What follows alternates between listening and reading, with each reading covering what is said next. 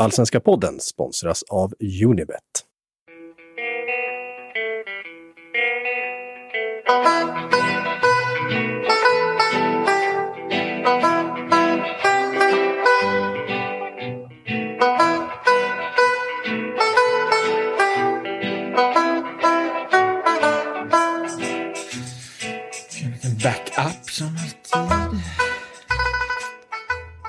Hej och välkomna till den allsvenska podden som görs i samarbete med Robert Laul och Per Boman. Det är jag som är Laul och det är du som är Boman. Hej Per! Hejsan! Vi börjar på ett lite annat sätt än vi brukar eftersom fotbollssverige har sorg. Lars-Åke Lagrell har avlidit efter en tids sjukdom, 80 år gammal.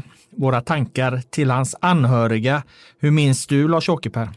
Jag minns inte han så mycket från min yrkesroll eftersom jag i princip började på Sportbladet samma år som han slutade som förbundsordförande. Men det jag har tänkt på är att jag kan ha stor respekt för honom, eller jag har stor, hade stor respekt för honom för att han kände att det var en slags plikt gentemot sin folkrörelse att vara kontaktbar och en del av debatten.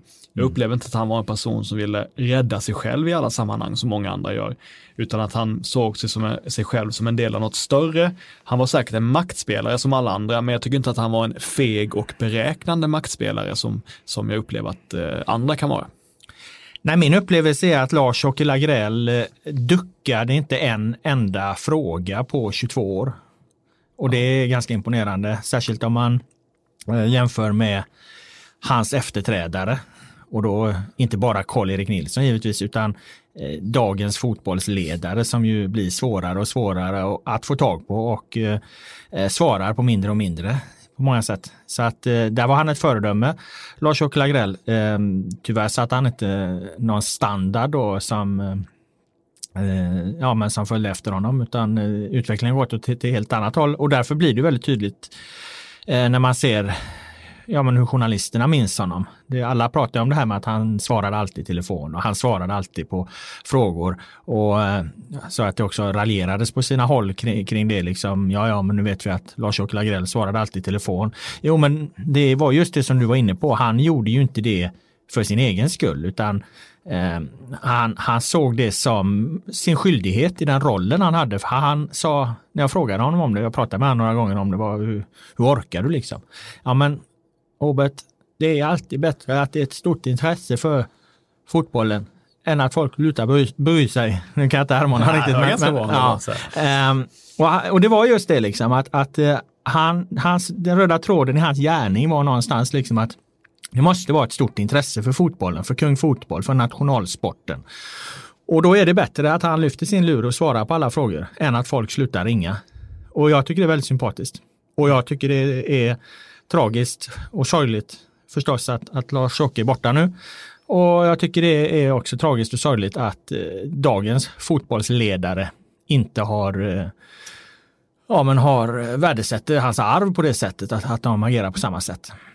Så du säger att det finns någon eh, ledare i svensk fotboll som eh, lever upp till hälften av det som Lars-Åke Lagrell stod för? På rak arm? Nej, så inte, inte spontant så kan jag inte säga det. Eh, utan de, de, folk är svårare att, att få tag på och, och de är eh, mer undanglidande, de, de duckar mer eh, istället för att se till att ha bra svar. Jag menar som jag sa i början med det här, Lars-Åke Lagrell, mig vetligen duckar inte en fråga på 22 år. Det är otroligt. Mm. Vila i frid, Lars-Åke Lagrell. I dagens avsnitt av den allsvenska podden ska vi prata om Domarna har de för stor respekt för storstjärnorna. Vi ska prata om toppmötena på Östgötaporten och Borås Arena. Vi ska prata om Stockholmsderbyt, om att Mikael Lustig har avslöjat den usla allsvenskan. Vi synar Sirius på nytt och, och attackerar bottenstriden utifrån att IFK Göteborg nu ligger på kvalplats. Men först ska jag prata lite till. Jag har nämligen en spaning för att på vägen till stormatchen på Östgötaporten mellan Norrköping och Malmö FF så följde jag Stockholmsderbyt på Friends och Östersund-Djurgården via Radiosporten. Jag körde min bil, eller min hyrbil. Och då slog det mig att Stockholmsfotbollen måste vara nere på sin lägsta temperatur sedan 2010. Då låg Hammarby i superettan Djurgården hade överlevt genom ett kvalspel året innan och AIK kaosade ju totalt.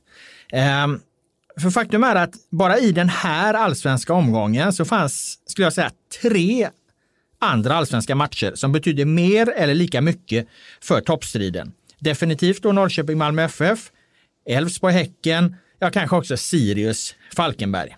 Och då skulle man ju faktiskt kunna tro att det är om Stockholmsfotbollen just nu som Lena PH sjunger på sin senaste skiva.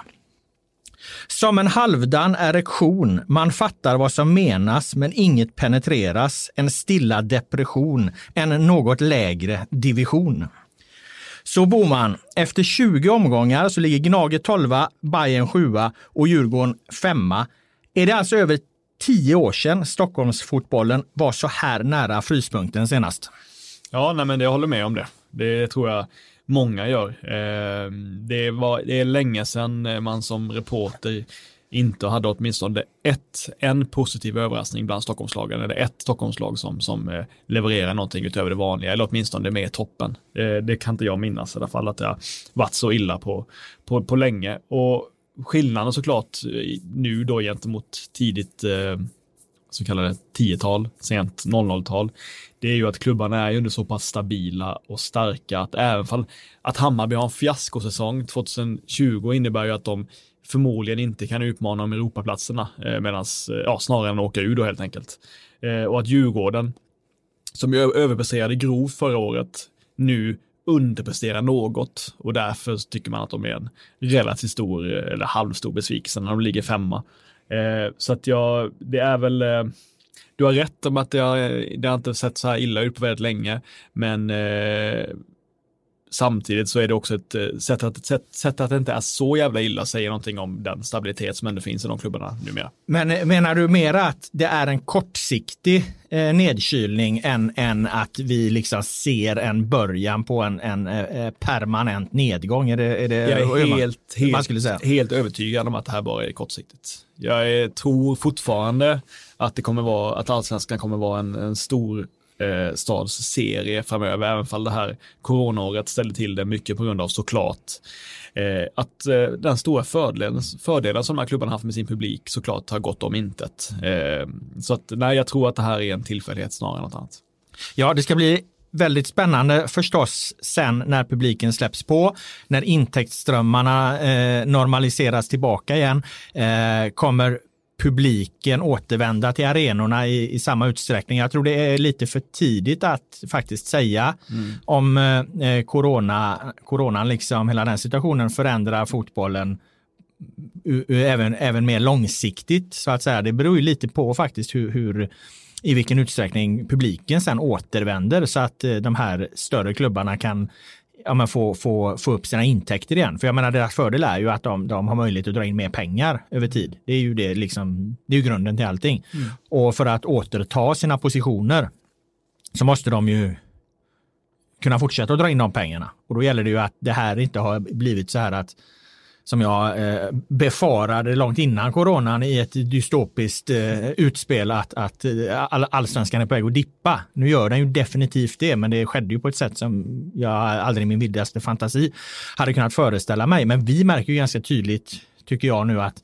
det är inget jättedrag kring allsvenskan på våran sajt exempelvis. Det är, det är ett intresse, men det, det, det, det är såklart lägre. Och eh, det, ska bli, det blir ju väldigt intressant och avgörande att se hur allting en vacker dag studsar tillbaka.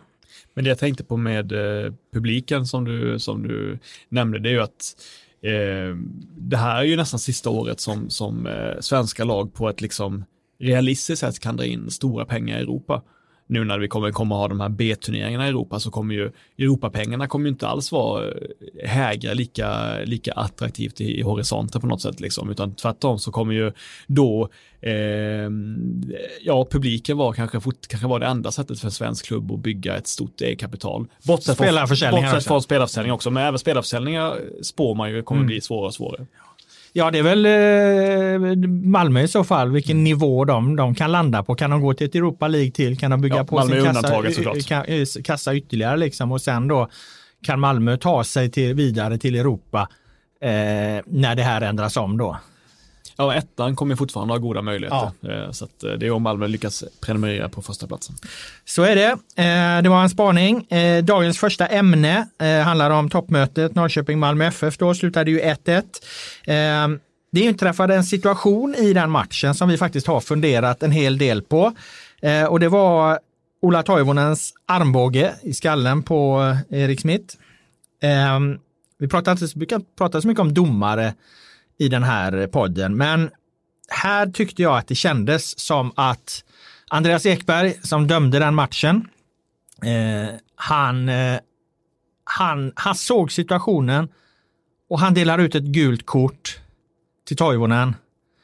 Och anledningen till att han inte delar ut ett rött kort är för att han känner att han vill inte visa ut Toivonen efter 25 minuter denna landslagshjälte, denna stora allsvenska profil som har återvänt till serien. Jag tror att det fanns ett visst mått av det. Jag brukar värja mig, ofta värja mig mot den typen av resonemang att domarna har för stor respekt för storstjärnorna. Jag tror mer det handlar om att de här Sebastian Larsson och de som brukar pekas ut där, de är smartare eh, så att de vet när de kan göra sina grejer. De, de, de, de liksom ligger någonstans i balansen, att de känner när kan de skälla på en domare utan att, att eh, han reagerar allt för mycket. Jag tror mer det liksom är någon form av spel där.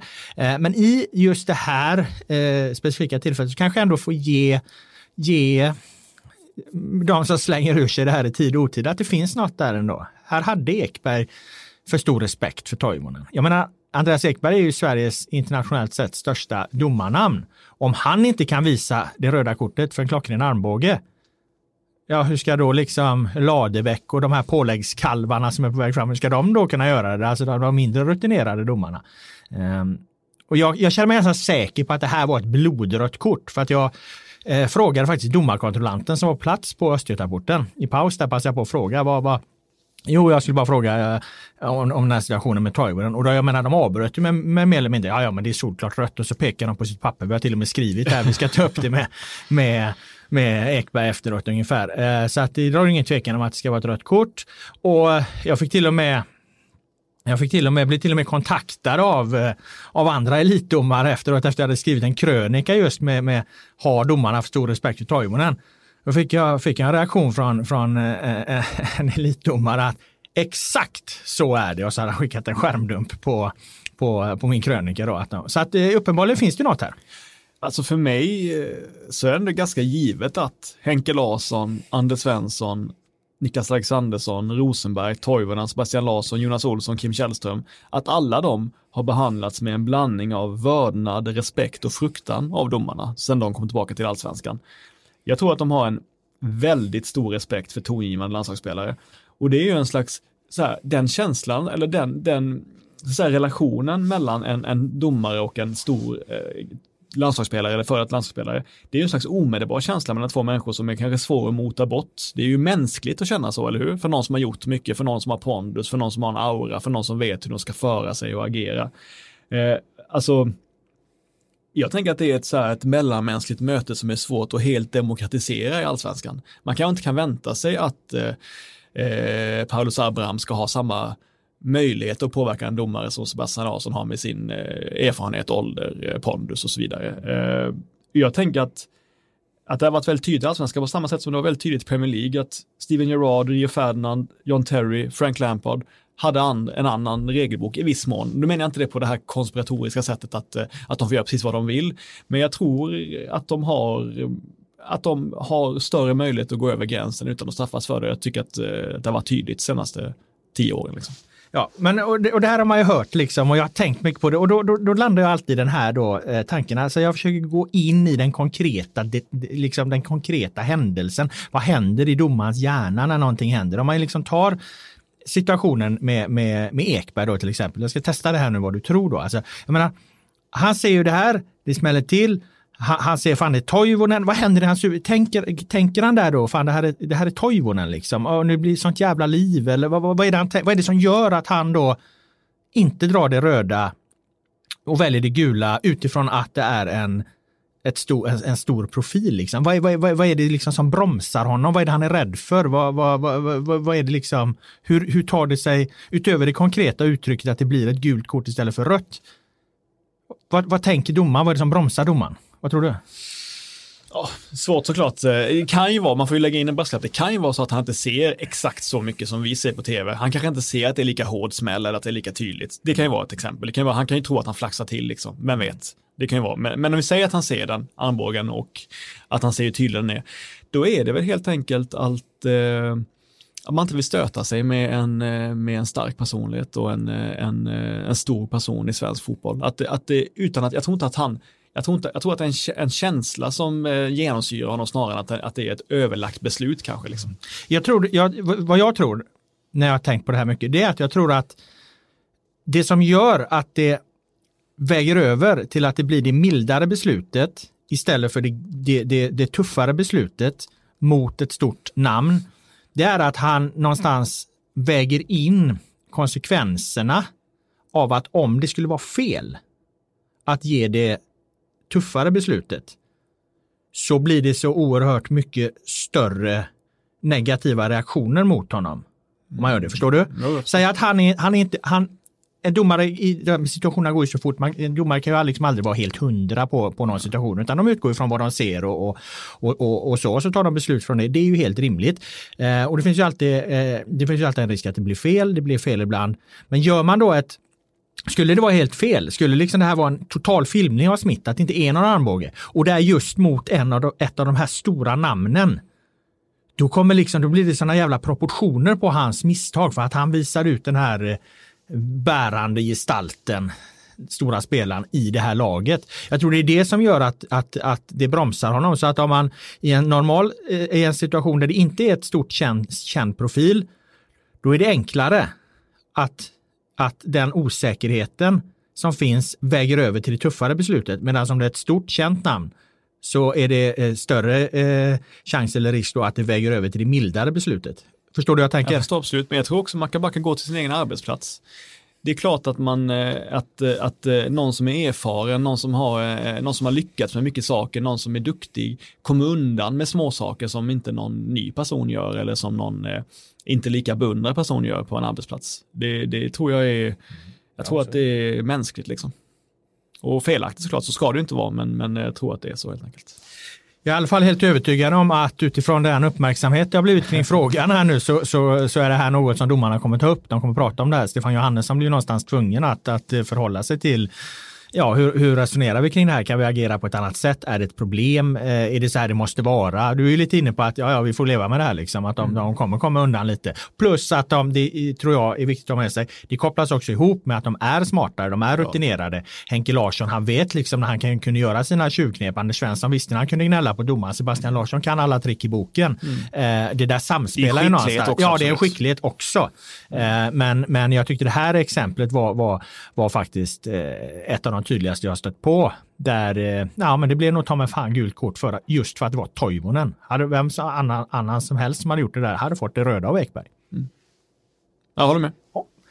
Ehm, då stänger vi den lilla domarutvikningen där då. ja, men vad säger du om eh, eh själva, det var ju ändå, det var ju ändå liksom, det är ju två av dem senaste årens bästa lag såklart i allsvenskan. Man blir alltid sugen på att se Norrköping möta mm. Malmö eller Malmö möta Norrköping. Var det här en bra allsvensk match? Ja, det tycker jag. Det osade ju någonstans eh, eh, stormatch om den. Och det blir ju speciella matcher när de eh, bästa lagen möts. För att det är någonstans som att de de går liksom när de går från eh, 90 till, till 97 procent i de här matcherna, eller vad, vad, vad, man nu ska jämföra med. Eh, det blir väldigt viktigt att hålla sin försvarsorganisation. De är hela tiden väldigt fokuserade på att inte göra gör, gör några fel, på, på, på att inte hamna i underläge. Så de blir ju väldigt låsta och, och det är det jag menar. Eh, en, en öppen 4-3 historia är ju många gånger en rätt dålig fotbollsmatch, även om den kan vara jävligt rolig att kolla på. En, liksom, en, en stängd 0-0 match eh, där det handlar om att lagen har, har satt sin defensiv är ju kvalitetsmässigt faktiskt en bra fotbollsmatch, även om den kan vara tråkig att kolla på.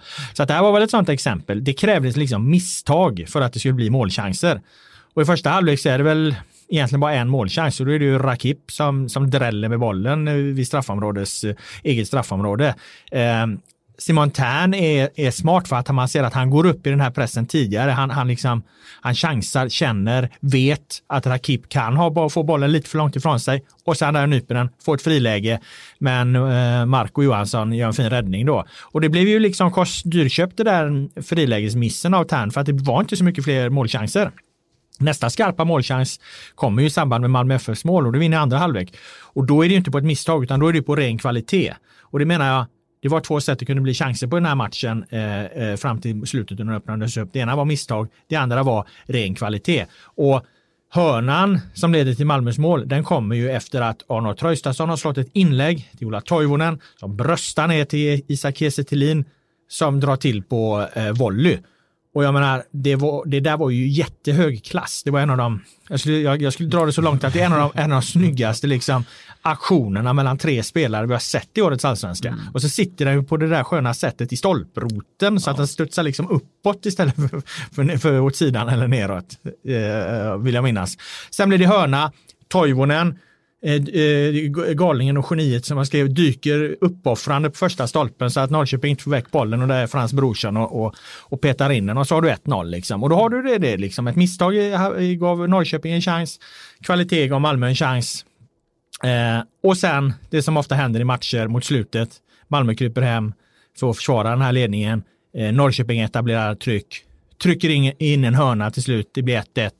Eh, det kunde gått lite hur som helst med det. Antingen hade de inte fått in hörnan eller så hade fått den. Det är ganska logiskt. Det känns som att 1-1 är ett väldigt logiskt resultat i den här matchen utifrån var, var lagen står. Ja, hoppar inte på tåget att eh, det är kaos och kris i Malmö, de vinner aldrig, utan eh, jag känner att det finns fortfarande en, en, tydlig logik om man tittar på vad som händer på planen och inte bara tittar på Malmös bankbok och vad man tycker att det borde, hur det borde vara. Om vi säger så här då, eh, Uwe Rösler fick ju ganska mycket kritik ibland för att han, eh, många ansåg att han var destruktiv och eh, eh, försiktig, nästan feg med sitt lag på bortaplan, minns jag. Att han fick kritik för att ni, ni, ni försöker försvara ledningar när ni bara 1-0-ledning, ni backar hem och sådär.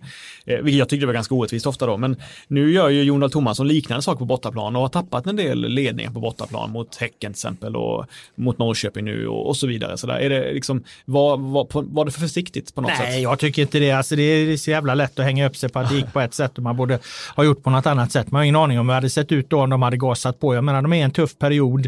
Eh, det är bättre att få en poäng än noll poäng. Det allra bästa hade varit att få tre poäng, men, men det är lite som att Malmö gör vad som behövs också. Eh, hade de verkligen behövt vinna den här matchen eh, till varje, varje pris, ja då hade Tomasson kanske gasat på och eh, gjort ännu mer. Eh, jag, jag hängde aldrig med i den kritiken mot Rösler. Skulle man liksom ta fasta på allt, vad fan allt människor som inte har någon koll vad de kritiserar och inte liksom, då, då, då är man rätt snett på det tror jag. Så att man får man får hålla sig till, till, till de fakta som finns. Och mm. som sagt, jag har katter på det där tåget att det är, är kris i, i Malmö ännu. Däremot så är det klart att eh, nu möter de Häcken i nästa omgång.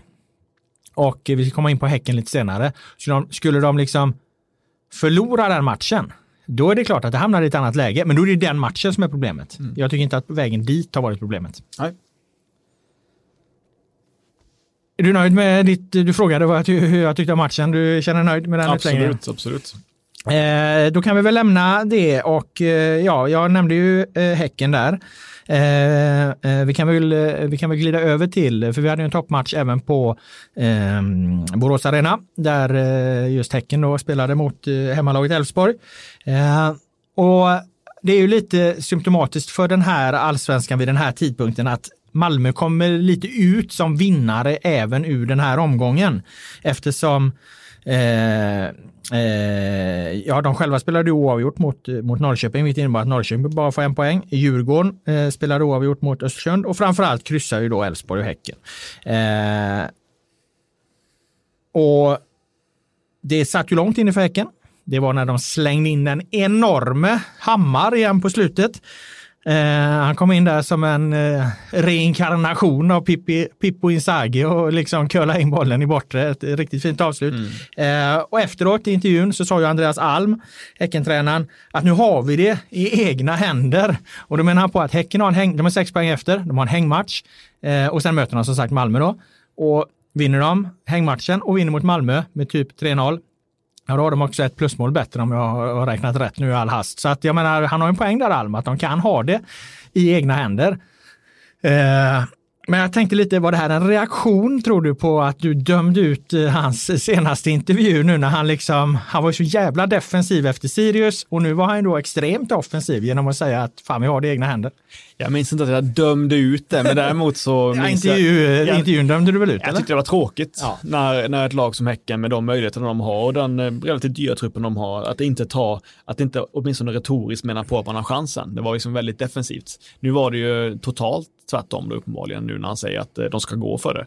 Eh, och det är klart att det blir ju lite, nu vet jag att man får ofta kritik från, jag tror att det är schizofrenas riksförbund när man använder ordet schizofrent som synonymt för att liksom på det här sättet, men det var ju lite schizofrent att han bytte spår helt plötsligt. Det var lite personlighetsklyft över vad du ska ja, säga. exakt, exakt. Som en rätt. annan sak. Ja, precis, precis, precis. Så att jag ber om ursäkt igen för att jag slarvigt an, äh, använde det så. Eh, men det var bra. Det var jättebra att han gjorde det då. Det, ju- det tror jag spelarna behöver ha också. Jag tror att Häcken behöver ha lite mer, eh, ja, det låter kanske, kanske låter enkelspårigt att säga så, men jag tror att Häcken ibland kan behöva ha lite mer krav på sig, lite mer, eh, lite tuffare även internt. Mm.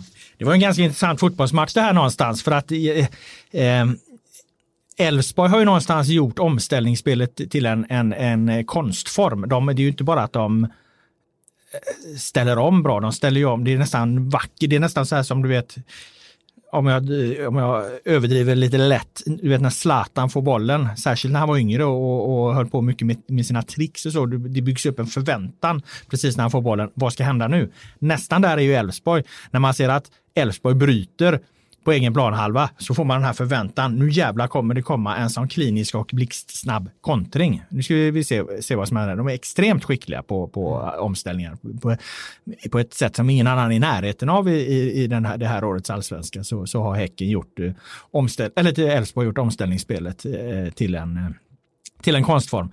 Eh, men i, jag skulle säga att i, i, i, efter att ha åkt på en rad omställningar i första halvlek så ändrar ju Häcken i andra halvlek. Eh, eh, Falsetas kommer in och tar ut Gustav Berggren, tar in, in Falsetas. Och eh, ja, i andra halvlek är det inte lika tydligt. Det är klart att några omställningar kommer de ju till, men, men det kändes ändå snyggt att, eh, att ta, ta, ta ut Berggren, eh, få in Falsetas, skära av omställningsspelet lite mer. Eh, det var inte bara det, de pratade om att Rasmus Lindgren, mittbacken, hade sagt att vi måste gunga dem mera så att, att eh, växla kant med så Elf- Elfsborg får liksom försvara fra, fram och tillbaka eh, ut mot, eh, mot långsidorna också. Men eh, vi skällde lite på Häcken i Sirius-matchen att de inte stoppade Sugita då, som var väldigt tydligt där. Nu gjorde de ju ett drag som faktiskt påverkade matchbilden. Och i kombination med att Elfsborg ledde Ja, så blev det ju allt mer spel mot Elfsborgs mål och Häcken hade enormt mycket målchanser. Enormt mycket målchanser, men det var liksom det var fel spelare som fick de här chanserna. Det var så här Adam Andersson och det var Yassin och jag menar de, de, de är ju inte skarpa liksom och, och deras spets är ju inte heller någon, någon stor målskytt, eh, Söderlund där. Eh, så det var ju... Tomenan, va? Ja, exakt. Ja. Nej, men Söderlund var, var väl i Ja, början. Okej, okej, okej, ja. förlåt. Jag såg inte matchen. Ja, Mm. eh, men eh, eh, vad hette det? Eh, jo, så det var ju först när de slängde in en enormt stora hammar som den här kvitteringen kom, men då var den djävulskt välförtjänt. Det var ju så välförtjänt så att när Johan Larsson, Elfsborgs högerbacken, som ju gjorde, återigen gjorde mål för övrigt, eh, när han intervjuades i, i tv efteråt så var det typ första han sa att ja, men de förtjänar den där kvitteringen. Så att då kan man ge sig fan på att, att de hade haft chansen nog. Men Tim Rönning var otrolig i målet. Pontus Dahlberg var bra i Häckens mål, men Elfsborgs Tim Rönning var enorm. Vi måste fan alltså, han är fan, fan frågan om han är årets målvakt. Eh, en fråga bara. Eh, varför, eh, alltså de har Johan Hammar-vapnet.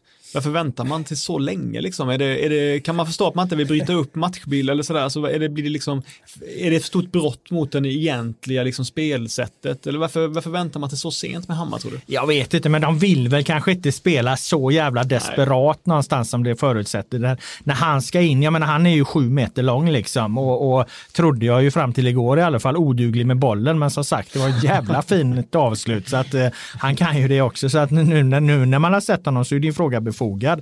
Han borde spela Hammar från start i varenda match. Ja, ja, som centertank där va. Det, det, men ja, vad fan, vi har sett han i två, två forceringar så det är ju lite svårt att, att dra några slutsatser. Ko- Kommer han in Kommer han in från start så är det klart, då tappar de ju massa andra saker som, som jag menar som antagligen som hela deras Ja, spel. de spelar ju inte så, de slår inte inlägg, de slår inte jag lyror menar, på en center, De, liksom. de, de gör ju inte det liksom. Jag Nej. menar, de har yttrar som kryper in för att komma till avslut och så här.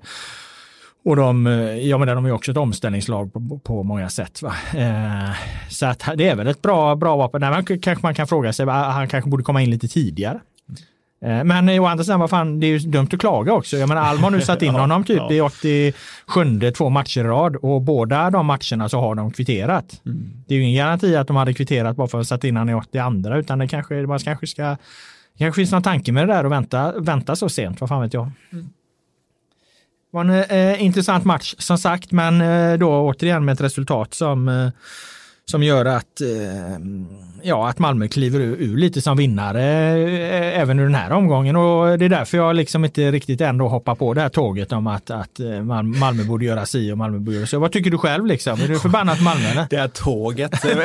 jag, nej. nej. men det är alltid ett jävla tjat om att Malmö, ja men de borde vinna varenda match liksom. Ja men allsvenskan funkat så. Det var ju, jag tror det var inte, var det på 40, när fan var det? Det var någon gång strax efter kriget som Malmö gick rent genom en serie. Alltså alla lag lag har ju sina svackor. Det man kan säga är väl att det börjar bli lite oroväckande många kryss helt enkelt. De har nästan lika många kryss som segrar. Det är åtta kryss mot, mot, eh, mot elva segrar. Det är ju en ratio som de inte vill ha såklart. Och jag eh, Um, jag tänkte... Jo, men torskar de mot Häcken och tappar guldet, då, då säger jag upp mig och flyttar till Norrland. Fine, men, men vi är ju inte riktigt där. Nej, jag, håller, jag håller med, det är ingen, det är ingen kris, men det, jag, som jag sa förra veckan, eh, Malmö kommer inte bli ihågkomna som en stor allsvensk mästare om de vinner guld i år. De kommer bli ihågkomna som ett stabilt, bra lag som gör jobbet som krävs, men det kommer inte bli ihågkommet som ett eh, briljant mästarlag. Nej, eh, nej, exakt, men, det, men hela den allsvenskan ska ju som sagt ha en, en eh, Asterix. Ja, efter, efter sig där, va? Eftersom, eh, eftersom den är så konstig på alla sätt sätt och vis. Så, så, så, så är det väl med det. Ehm,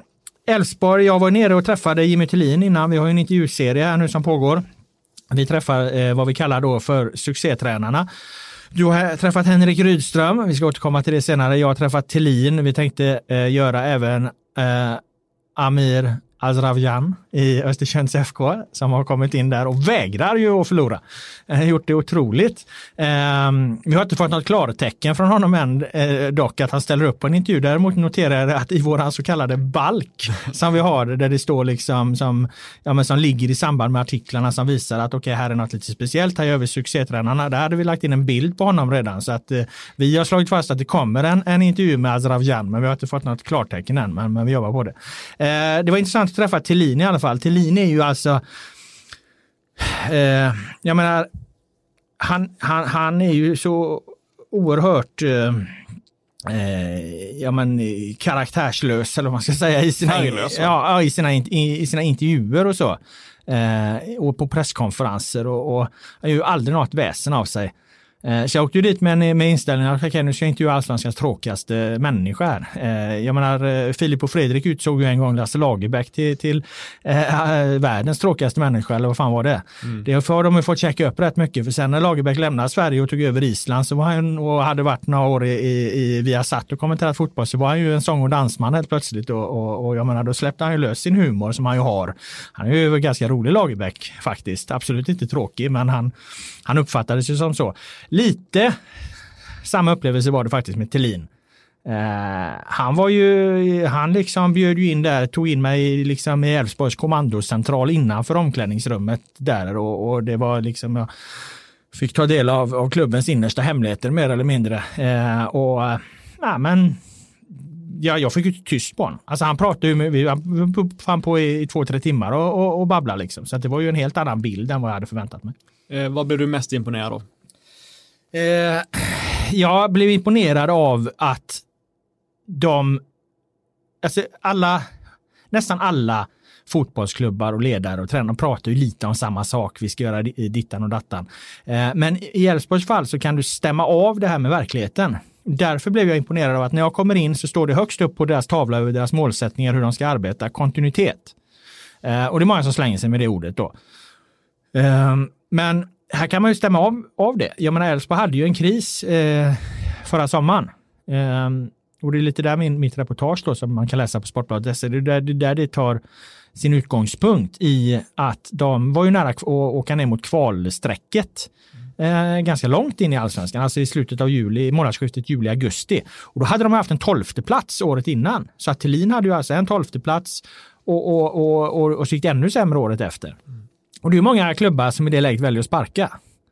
Sparka tränare. Och det kan vara bra ibland och det kan vara fel ibland och så vidare. Men, men Elfsborg, Thelin förklarade liksom hur de resonerade. Att, att om du har en rad personer på de yttersta posterna, styrelse, klubbledare, manager, och de har satt sig ner och bestämt någonting. Eh, vi, våran bild är att fotbollen fungerar så här.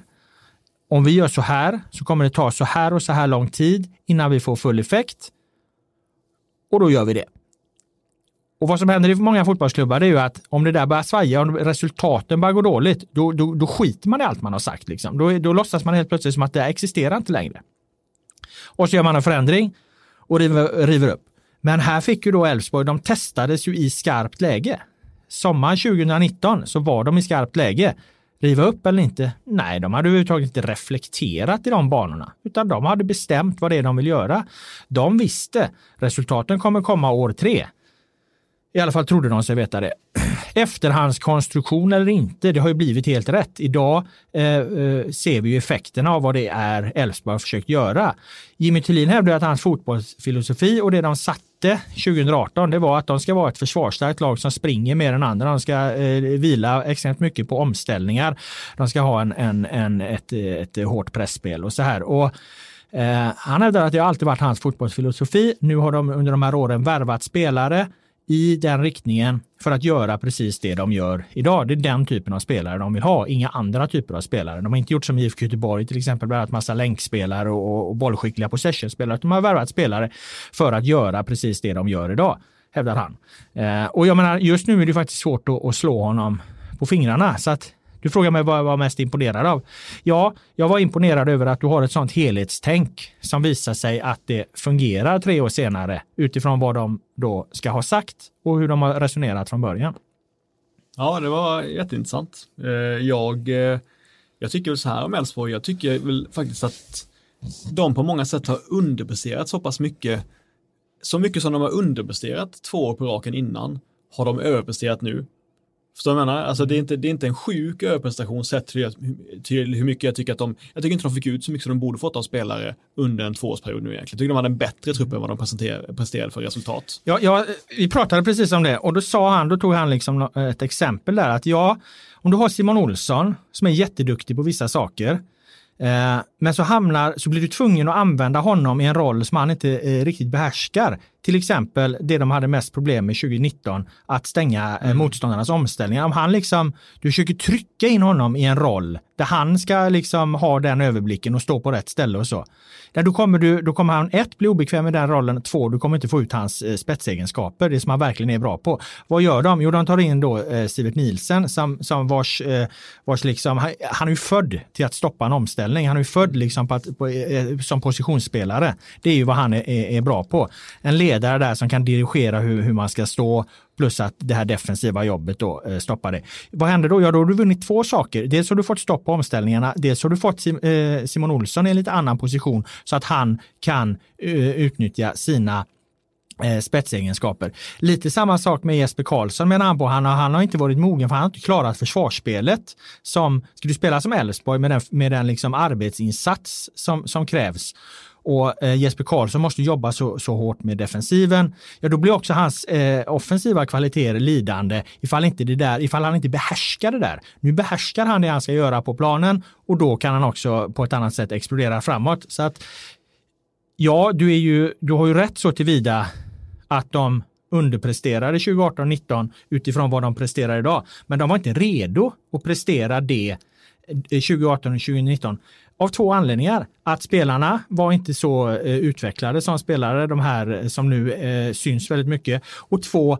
de hade inte heller hunnit göra det här pusslet. De hade inte eh, Sivert Nilsson, de hade inte några andra och, och, då blir helheten lidande. Så att när man tittar på det ur det perspektivet, ja, då blir det ju ganska logiskt. Det är inte konstigt, det är inte dåligt att de, att de, gjorde, att de levererade det de gjorde 2018-2019. Det var ju helt logiskt för att det de hela tiden strävade efter var det som nu sker 2020. Ja, jag, jag, jag, menar, du frågar vad jag är imponerad av. Jag var imponerad för att jag, jag får känslan att det här är inte snack, utan det här är faktiskt så, så nära liksom det här är kompetenta fotbollsmänniskor. Jag tror Stefan Andreasson, för han har varit med i hundra år, det är klart mm. att han har lärt sig någonting. Jag tror att det här är kompetenta människor som faktiskt vet lite vad de pratar om istället för att det blir tomma ord. Ja, jag, jag förstår, jag håller med om det. Jag vill bara säga det att eh, jag håller med. Ja, Simon Olsson, inte han klarade av det 2018-2019, då hade de ju, de hade ju värvat in en spelare som skulle göra det jobbet, som skulle klara av det. Samuel Holmén, så de tog tillbaka igen, ja, vad blir det, sommaren 2017. Mm. Han skulle väl göra det jobbet då mm. bredvid Gojani eller bredvid någon annan på sittande. Skulle kanske Olsson kunna vara högre upp i plan.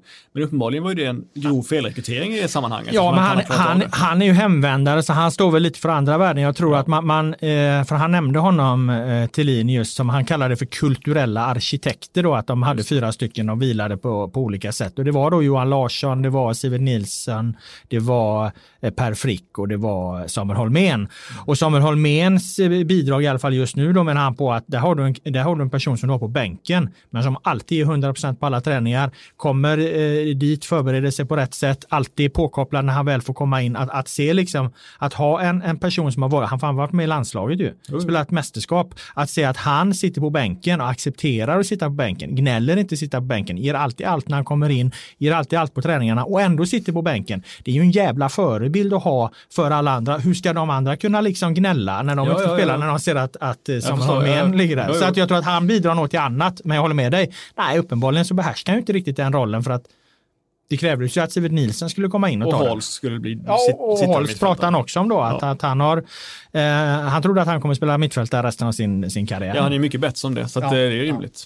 Nej, men jättespännande. Nej, så det var faktiskt jävligt intressant. Så att eh, alla som gnäller på att eh, Sportbladet inte gör tillräckligt eh, initierad journalistik, läs mitt reportage om Elfsborg eh, Mytilin och läs Bomans reportage om eh, Henrik Rydström och Sirius som vi snart ska prata om. Men eh, vi eh, ger oss in på Stockholmsderbyt. även om då Stockholmsfotbollen nått sin lägsta fryspunkt sedan 2010. Så hade vi ett derby. Du var där Boman. Det som var intressant det var att det blev 3-0 till AIK. Och eh, när du, eh, ehm, när jag frågade dig hur fan var matchen, liksom, det första du sa det var att den var jämn. Och det fick mig att höja på ögonbrynen lite grann för att här vinner liksom AIK med 3-0, men matchen var jämn. Ja, det känns som det enda intellektuellt hedliga att säga, tycker jag, att den var jämn. Eh, eh tittar man på antal chanser så är det jämnt. Tittar man på ehm, period i spelet så, så är det, har de ungefär lika många perioder var som är, som är, som är dominanta. Liksom.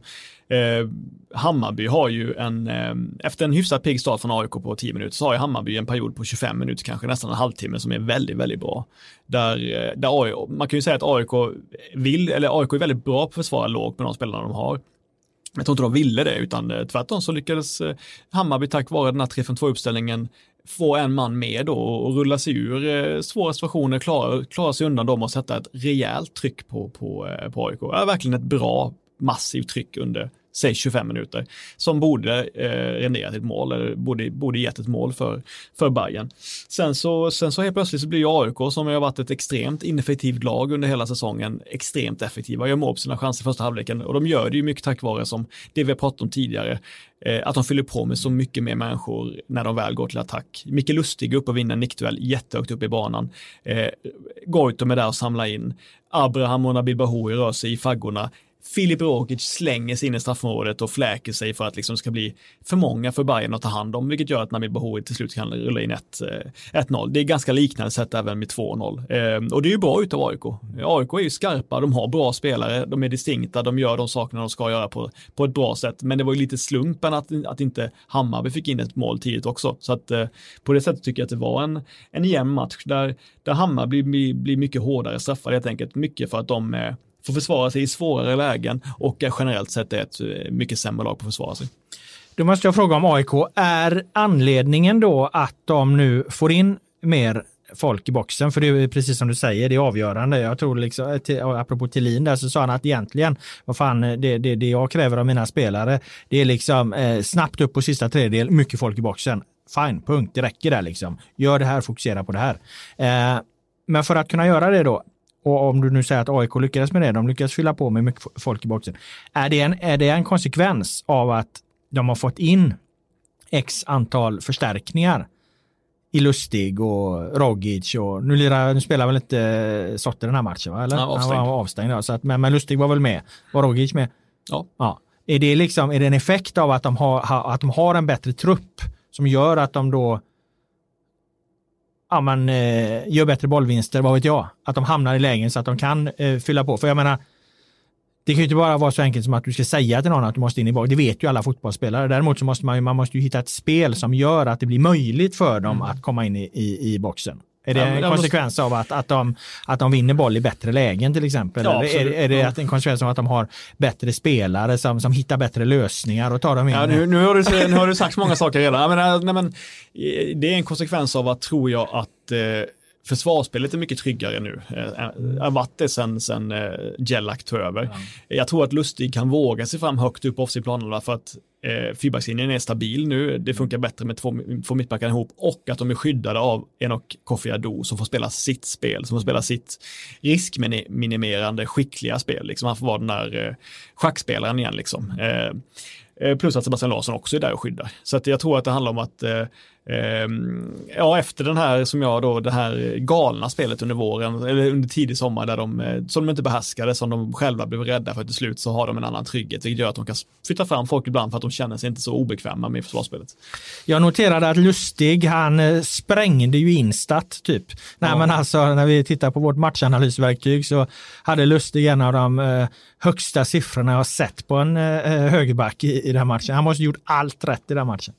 Ja, nej, men Micke Lustig, eh, det förvånar mig att han kan ta flyget till Sverige, efter, efter att inte ha spelat fotboll på evigheter, ta flyget till Sverige, borsta av skorna, gör två snabba ruscher och är Sveriges bästa höger, eller allsvenskans bästa högerback direkt. Vi vet ju att han är Sveriges bästa högerback, han är vår landslagsman, men att han formsvag utan rejäl matchning är allsvenskans bästa högerback. Allsvenskans Johan bästa spelare till och med eller? Nej, nej, nej, nej, nej det tycker jag inte. Nog inte. Uh, ja, han är en av de bästa spelarna såklart, men jag kan inte säga att, att han definitivt är den bästa spelaren. Uh, men, men, men menar, Johan Larsson kan väl utmana också om just högerbackspositionen, men han är ju klart lite sämre än Lustig. Ja, men det, det, det, det får mig också bli lite obekväm att han kan vara så dominant direkt. Att han, att han trots, trots att han inte borde vara i toppform kan utklassa serien. Han ja, men bäst, du vet vad jag har sagt om den här han, ja, han är bäst i nickduellerna, förlorar inte en nickduell. Han är lugnast med bollen i, i possession. Han sätter alla sina inlägg. Han orkar mer än 15 år yngre spelare.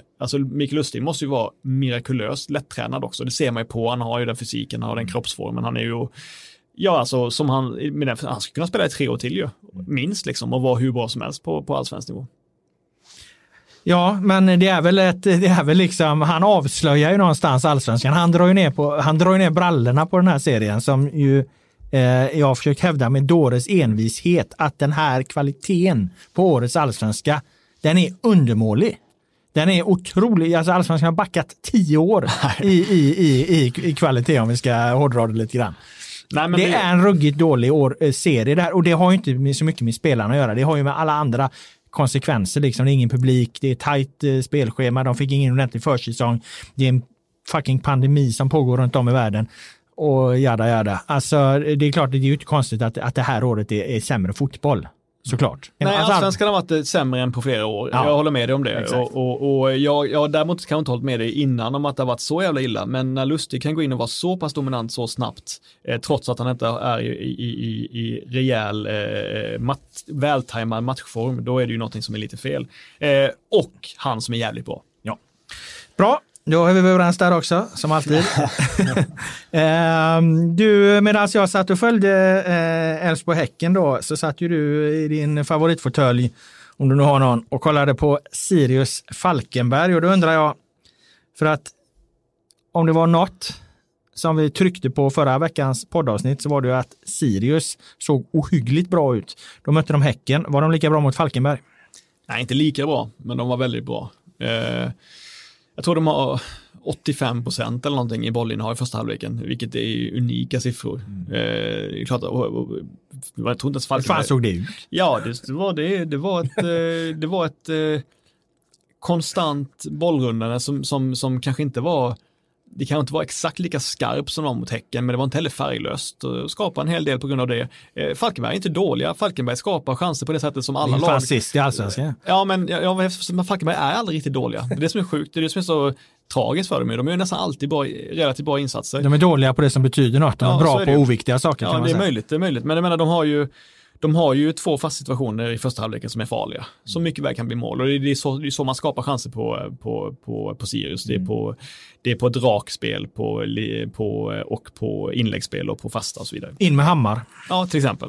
Eh, sen så, men sen så kommer ju det till, till slut så, jag menar, ska jag säga det igen, men Falkenberg var ganska bra även i början av andra halvlek. Eh, och skapa en del chanser. Eh, men det är ju också en del av Sirius, får man acceptera att de kommer släppa till en del chanser med sättet de spelar fotboll på. Men till slut så har ju de ju eh, nött ner Falkenberg till den milda grad att de inte kan stå emot längre. Och båda gångerna är det Sugita som hittar en yta eh, i perfekt läge och fördelar vidare Eh, vilket skapar en farlig chans och som, som Sirius kan mål på. Utifrån innerkorridoren han ja, vänder precis, upp eller? Precis. Och de tappar bort honom precis, lite där. Precis ja. så. Den är ju, och, och de använder honom otroligt snyggt där alltså. Och det, det, det förvånar mig lite att de andra lagen inte lär sig det. Ja, exakt.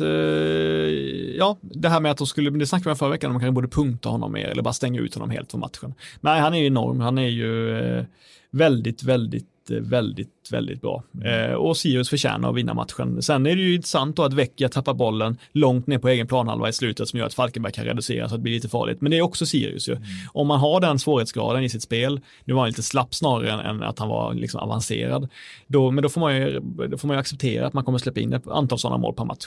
Jag tror, och det här är en magkänsla där jag skjuter lite från höften, jag kan bli synad på den och ha helt fel, men jag tror att Sirius är dåliga i slutet av matcher. Jag undrar om, de liksom, om det är jävligt kraftödande det här återerövringsspelet eh, som de ägnar sig åt så att det gör att de liksom går lite på knäna. Jag får, en, jag får en känsla av att de är, att de är svaga, att släppa in mycket mål.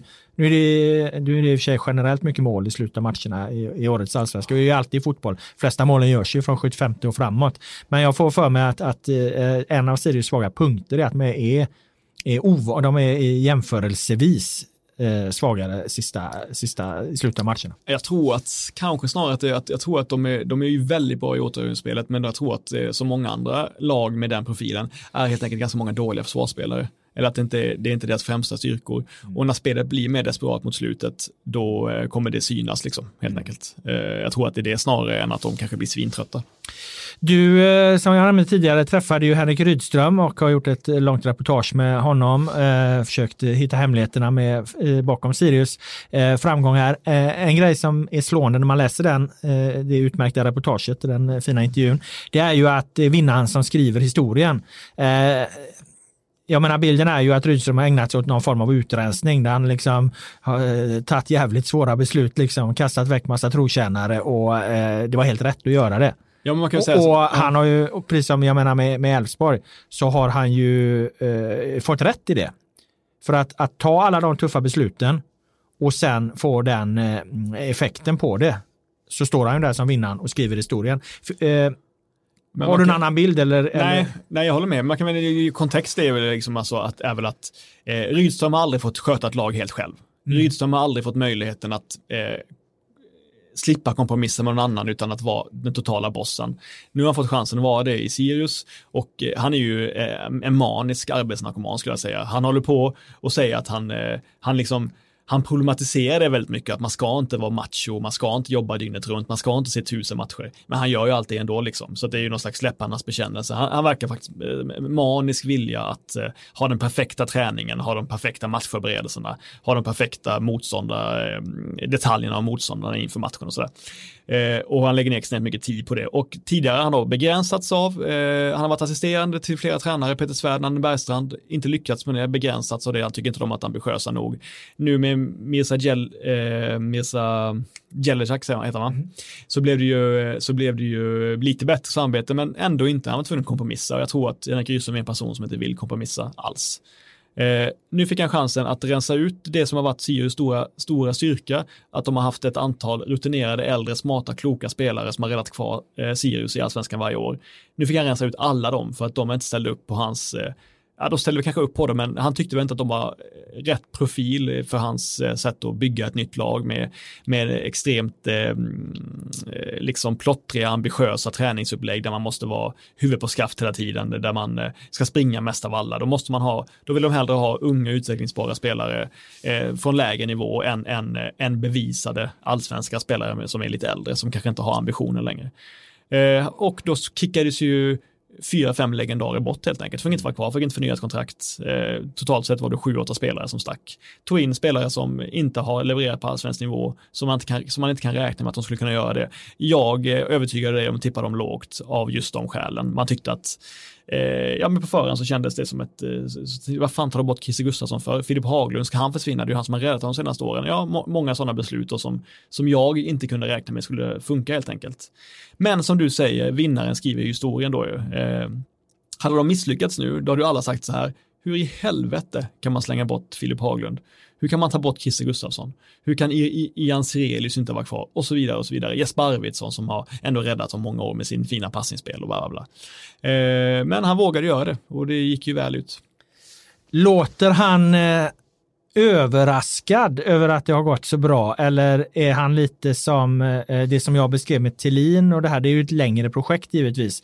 De är ju inte överraskade, de, de, de beskriver det här utan någon form av dryghet liksom att ja men det här är ett plan, det var så här det skulle bli. Vad får du för känsla på Rydström? Känns han överraskad att han har fått sån utväxling på sina drag? En bra fråga. Jag tror att de är lite överraskade faktiskt, lite positivt överraskade att, att, att lag har haft så svårt att hantera dem. Mm. Men det blir också en jävla boost ju. Mm. Då finns det ju ännu mer att ge antar jag. Då ja. tänker de att de har ännu mer att gräva ut ur det här projektet. Mm. Eh, och han nämnde ju det att jag menar, vi har ju exempel på lag som har dansat eh, ett år. Vi har Trelleborg 2010 som du nämnde, de kom femma. Vi har Giffarna som, eh, som, som gör sån otrolig succé eh, för två år sedan. Mm. Eh, åker ur året Och sen efter. åker ur sen, trots att de förlängde med alla spelare. Men då, då, då, då menar ju som att Sirius kommer inte bli ett one-hit wonder för mm. att de kommer aldrig acceptera att någon av spelarna blir mätt helt enkelt. I Sundsvall fick David Batanero bli svinmätt och egentligen vilja lämna och inte vara kvar. Men de gjorde allt för att hålla kvar honom, för de tänkte att vi kan inte få in någon liknande kvalitet, vi kan inte genomföra det här spelet utan honom. Så de, istället fick de en disharmoni i truppen med en kille som egentligen inte ville vara där och som spred dålig stämning och så vidare. Eh, det, det, är ju också, en jävligt fair point. Ja, Ja, och då menar de då, eh, menar Sirius att det kommer inte hända här. Det är ju lätt att säga innan i och för sig, men eh, Elias Andersson har redan flöttat med Djurgården, liksom, att han kan tänka sig gå dit. Och, och Stefano Vecchia, liksom, kommer de kunna behålla honom? Kommer de kunna få in en liknande? Eh, men då Axel Björnström och så vidare, Sugita. Det, det är klart att det kommer, det kommer bli svårt, liksom. Jag menar, lyckas man förlänga så kanske man har en mättare spelare som inte är lika taggad längre. Försvinner de så måste man ersätta dem, vilket blir jättesvårt. Men, men jag tycker ändå, det verkar ändå som att de har en strategi för hur de ska lösa det, utan att, att som sagt, hellre ta in då en division, en superettan-spelare som är intressant eh, än att eh, behålla någon som inte vill vara där. Jag tror ju att Henrik Rydström är en person som vi kommer få dras med ett tag. Mm. Är du med? Mm. Jag tror att han, han, han, eh, som du säger, han är så jävla ambitiös. Han brinner för det här. Han kommer få större uppdrag. Han kommer hänga med. Man har följt honom hela vägen. Eh, följt honom sedan han var spelare. Eh, början av hans tränarkarriär. Du beskriver lite resan. Nu går det bra kommer säkert fortsätta gå bra. Han kommer få större uppdrag och så. Man kommer få, få följa honom och, och, han kanske blir en stor en, eh, en riktigt stor tränare till slut. Han är ju jävligt intelligent och begåvad och jag, någonstans tror jag det är en förutsättning. Eh, fotbollen har, jag menar alla branscher eh, Eh, vill ju locka till sig, vad säger man, A-barnen. Nej men alltså eh, de absolut skarpaste. Och, och, fotbollen har eh, belönats med Henrik Rydström. Han kunde gjort mycket annat bra i sitt liv tror jag, men nu blev han fotbollsspelare och sen blev han fotbollstränare. Och jag tror han har en fin karriär som fotbollstränare framöver. Det ska bli intressant att se med Henrik Rydström om det han gör, säger, tycker och tänker nu överlever över tid. Mm.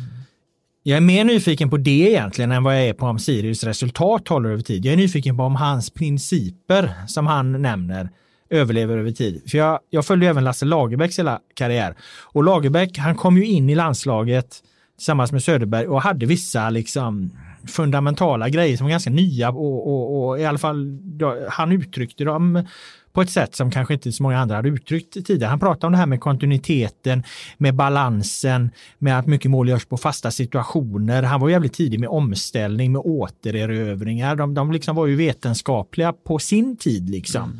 Och egentligen allt det Lagerbäck någonsin pratade om eh, är, han har inte behövt backa på någon av de punkterna. De styr fortfarande fotbollen på många sätt, de här principerna. Eh, jag frågade honom när han var förbundskapten för Island, har du, någon, har du ändrat dig på allt det? Nej. Det hade han liksom inte. Alltså, alltså, och det kan man ju tycka så här, bara för att människan lärt sig, har inte lärt sig någonting nytt på alla dessa jävla år. Nej, men alltså han identifierade någon form av grundstenar i spelet fotboll, så vad som leder till framgång och de är fortfarande giltiga idag, även om det går fortare och det blir mer invecklat och det blir nya ord för saker och ting. Vi pratar om den här liksom eh, kontringsskyddet till exempel. Alltså man, man uppfinner liksom ord för saker som kanske mer var känslor tidigare. Eh, och det har ju den här nya tränargenerationen gjort då. Så det ska bli intressant att se och där kommer ju din fina intervju med honom här, den kommer ju ligga liksom, den, den finns ju här nu. nu. Den är satt i tryck liksom. Kommer han stå för det här liksom om tio år eller kommer han förändras? Eller identifierar han liksom saker som kommer leva vidare utifrån där fotbollen befinner sig idag och många år framåt? Det som, det som imponerar mig mest, det är att han, många tränare kan prata om en spelidé kan förklara den, kan beskriva hur avancerad den är. Jag upplever att han är en tränare som kan implementera det i träning för det de ska lära sig för att göra i match. Och det tror jag är väldigt svårt, tror jag är svårast av allt, att få till den typen av träningar som korresponderar med spelidén och gör spelarna redo för att utnyttja, den, utnyttja de styrkorna de lär sig i träning i matchen.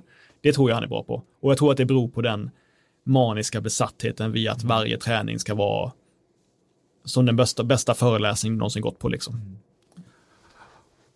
Om man då orkar hålla detta glödande, passionerande alltså, brinn för det. det. Eh, och skulle jag då vilja lägga till att han är en begåvad människa också. Mm. Jag tror att han är, han är, han är, han är smart helt enkelt, Rydström. Mm.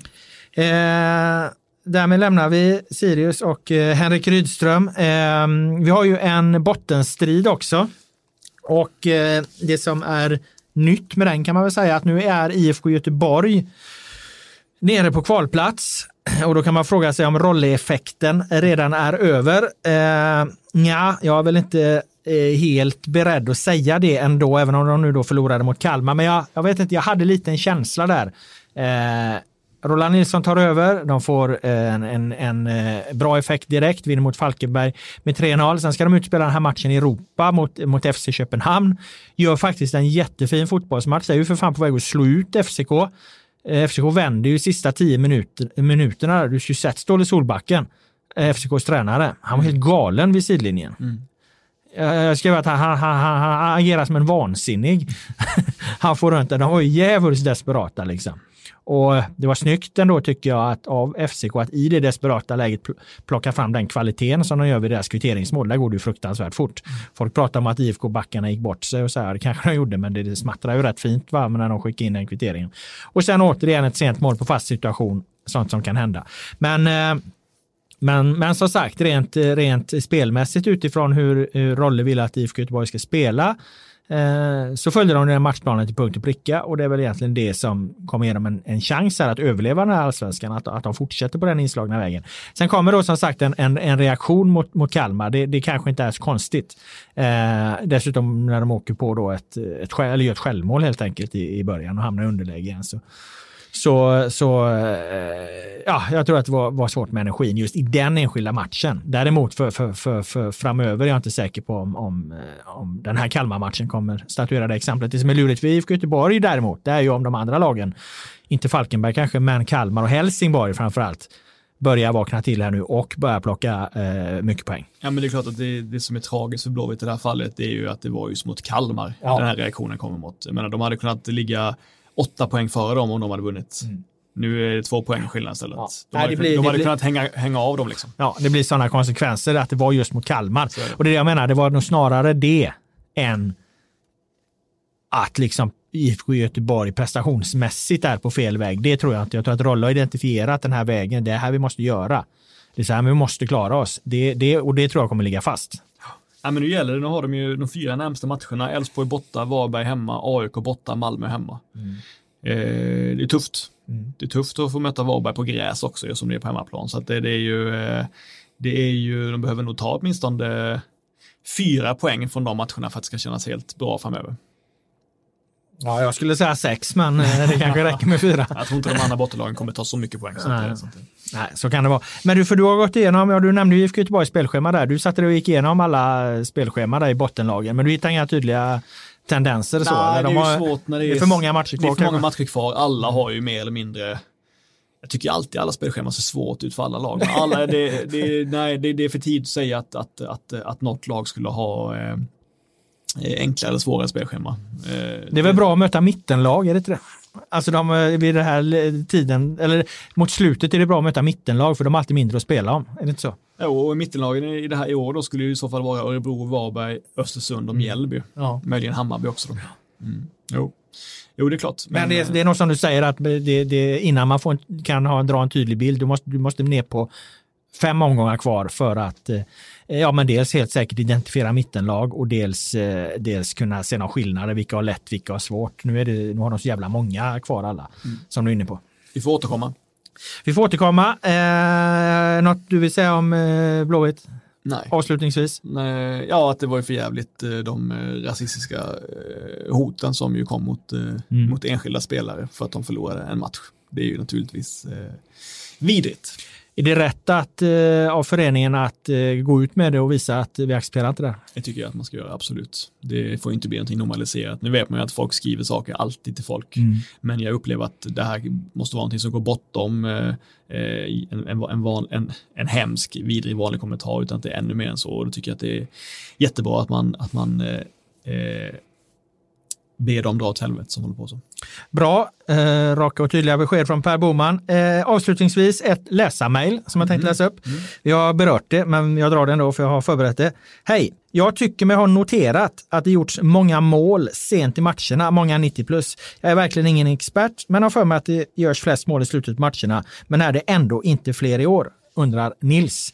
Ja, eh, ja, vi som sitter och skriver krönikor på slutsignal har ju noterat detta sen en tid tillbaka att det är en jävla massa eh, matcher där det görs mål i slutet. Och det är precis som Nils är inne på, fotboll, det görs ju flest mål i slutet av matcherna. Sådan är fotbollen. Men jag får också en känsla av att det görs ännu fler mål. Jag vet inte om det går att ställa in Instat på något sätt så att man kan, kan liksom få fram en, en bild av det här. Eh, det är nog inte helt enkelt att jämföra över år när flest mål görs, men det går nog att reda ut. Vad, vad tror du? Nej, men jag tror att det är så. Jag funderar på vad det skulle bero på. Ja. Uh, om det nu är så då? Ja, jag, menar, jag tror att det är så. Jag, jag, de borde ju inte vara, jag menar de hade ju jävligt lång tid på sig att förbereda sig fysiskt för, för den här säsongen. Men det är klart, spelar man så många matcher i, i, i veckan och inte är vana vid det så är det väl inte omöjligt att, spela, att, att, att spelarna har blivit lite avtrubbade och slöja mot slutet och därför har svårare att hålla uppe koncentrationen. Kan det inte vara tvärtom? Fem byten, att de kommer in liksom med, med, med friska ben och att det någonstans gör att det blir fler chanser och fler mål.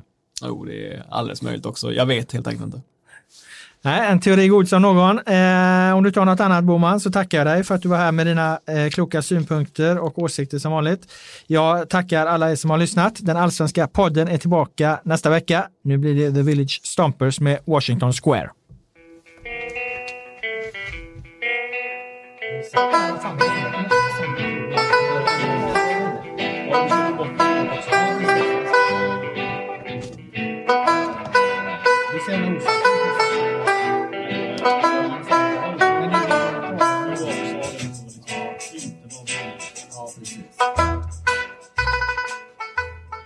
Ja, bra annars va?